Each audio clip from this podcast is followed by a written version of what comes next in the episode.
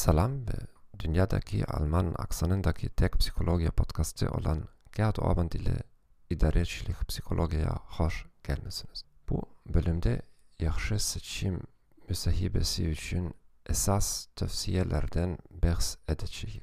Seçme müsahibenin keyfiyeti için iki esas meyar vardır.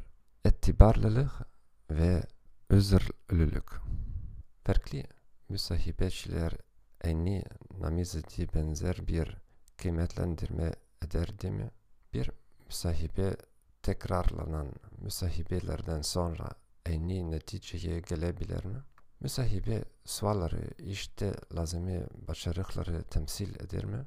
Müsahibedeki yaxşı performans, yaxşı iş performansı için yaxşı bir prognozlar direcidir. 5. Ümumi tavsiye.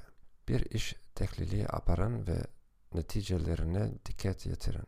Ratingler için standart terazilerden istifade edin. Müsahibeler hazırlayın. Müsahibeden sonra namizetlere kıymet verin.